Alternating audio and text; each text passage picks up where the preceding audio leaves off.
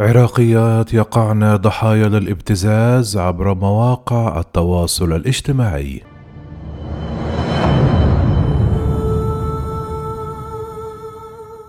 أنا مجهولة تماما وأستخدم اسما مزيفا على مواقع التواصل الاجتماعي مثل الفيسبوك وإنستغرام. هكذا تقول رغد وهو اسم مستعار وهي من سكنة منطقة زيونة ببغداد وتعمل موظفة استقبال في شركة خاصة للطيران منذ عدة سنوات.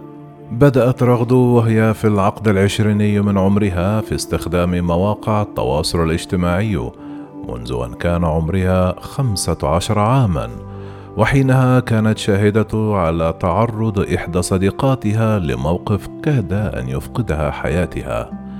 تقول أن صديقتها في المدرسة كانت تستخدم مواقع التواصل الاجتماعي بكثرة وسمح لها ذلك بإنشاء علاقة مع شاب قام فيما بعد بابتزازها ماليا والتهديد بنشر صور ومقاطع صوت وفيديوهات لمحادثات جرت بينهما. تطورت الأحداث سريعا وسرعان ما اكتشف الأهل خطة ابتزاز الشاب ليرضخوا لمطالبه خوفا من الفضيحة.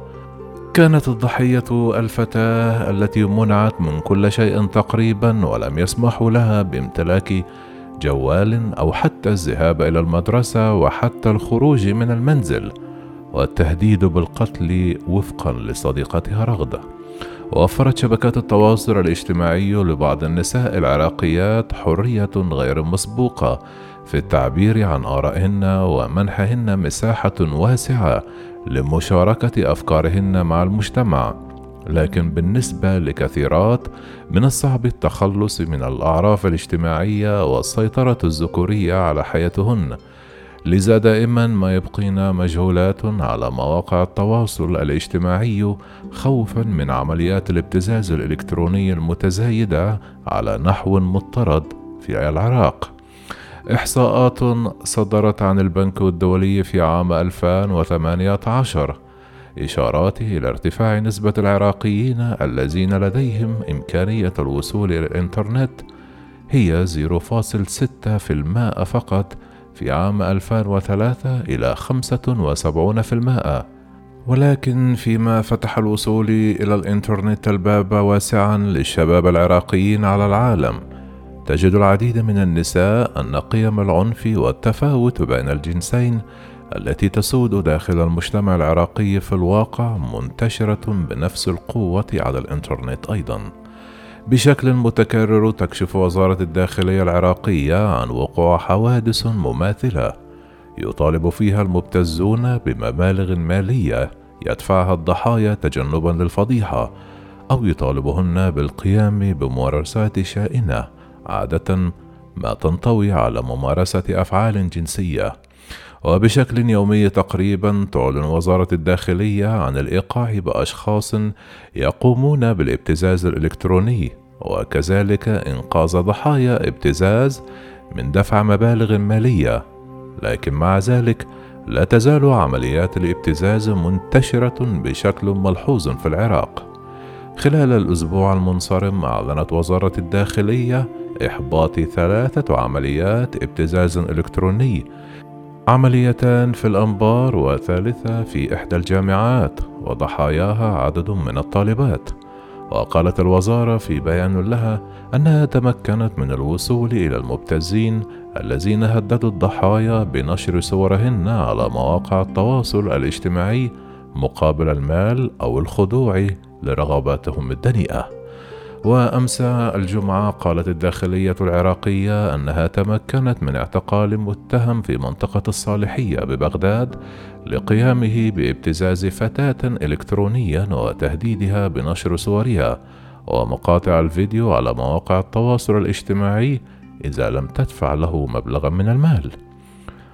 صرح متحدث باسم وزارة الداخلية أن الجرائم الإلكترونية ازدادت بشكل كبير في العراق نتيجة استخدام الأجهزة الذكية وتعدد مواقع التواصل الاجتماعي واعتماد المواطنين عليها حاليا بشكل كبير حتى في تعاملاتهم التجارية. كما أضاف أنه في الآونة الأخيرة بدأت تتصاعد حالات الابتزاز الإلكتروني مما دفع وزارة الداخلية إلى التحرك بعد أن اكتشفت أن الموضوع يؤثر كثيرا على الأمن المجتمعي العراقي. من بين المشاكل التي تسببت بها ظاهرة الابتزاز الإلكتروني كثرة حالات الانتحار وارتفاع معدلات الطلاق ومشاكل أسرية أخرى. وصرح أن أحد المبتزين الذين ألقي القبض عليهم في إحدى المحافظات مؤخرا تسبب على سبيل المثال بتسع حالات طلاق ويشير إلى أن الغالبية العظمى من ضحايا الابتزاز هن فتيات شابات لا تتوفر إحصائيات دقيقة عن عدد حالات الابتزاز الإلكتروني في العراق سواء لدى السلطات أو منظمات المجتمع المدني لأن كثيرا من العائلات أو الفتيات اللواتي يتعرضن للابتزاز يحجمن عن الإبلاغ. تقول الأخصائية في علم النفس سارة نزار إن معظم الضحايا لا يتوجهون للمؤسسات المعنية لأنهم يخافون الفضيحة وبالتالي نادرا ما يمكن الوصول لأرقام دقيقة لعدد ضحايا الابتزاز الإلكتروني في البلد. وتؤشر نزار إلى تداعيات كثيرة لهذه الظاهرة.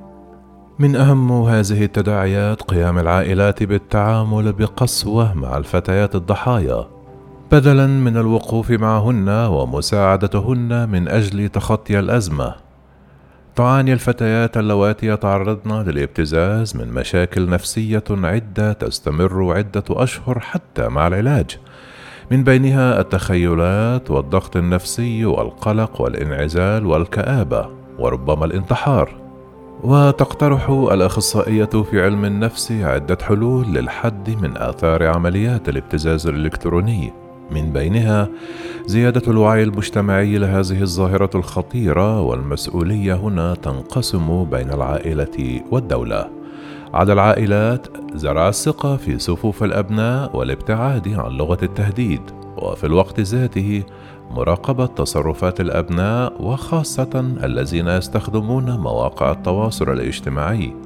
وتضيف بالمقابل يجب على السلطات زيادة عمليات التوعية بشأن أخطار عمليات الابتزاز وتوفير باحثين اجتماعيين في المدارس والجامعات لتقديم الدعم للضحايا. لم تتمكن السلطات العراقية حتى الآن من السيطرة بشكل كامل على عمليات الابتزاز الإلكتروني، لكنها على الأقل بدأت بأولى الخطوات لمكافحتها وذلك وفقا للمتحدث باسم وزارة الداخلية. ويقول خالد المحنى إن وزارة الداخلية استعانت بأجهزة فنية متطورة وخبراء لتتبع المبتزين واعتقالهم متلبسين بالجريمة. ويضيف أن أغلب الأشخاص الذين تم ضبطهم متلبسين أحيلوا للمحاكم وحكم عليهم بأحكام طويلة. بعضها وصلت إلى 14 سنة. ويؤكد أن هذه العقوبات كافية جدا وأن عمليات الملاحقة مستمرة. مضيفا أنه في فترة من الفترات شهدنا ارتفاعا كبيرا في الحالات لكننا تمكنا من المحافظة أو تخفيض النسبة بشكل ملحوظ. ومع ذلك تقول سارة نزار أنه على الرغم من أن الكثير من الفتيات يدخلن بأسماء مستعارة أو وهمية إلا أن هذا لا يجنبهن الوقوع ضحايا للابتزاز لأنهن يمكن أن ينشأن علاقات مع أشخاص عبر مواقع التواصل الاجتماعي. وبالرغم من ذلك تصر على عدم الكشف عن هويتها في العالم الافتراضي خوفا من التعرض لموقف مشابه لما تعرضت له صديقتها.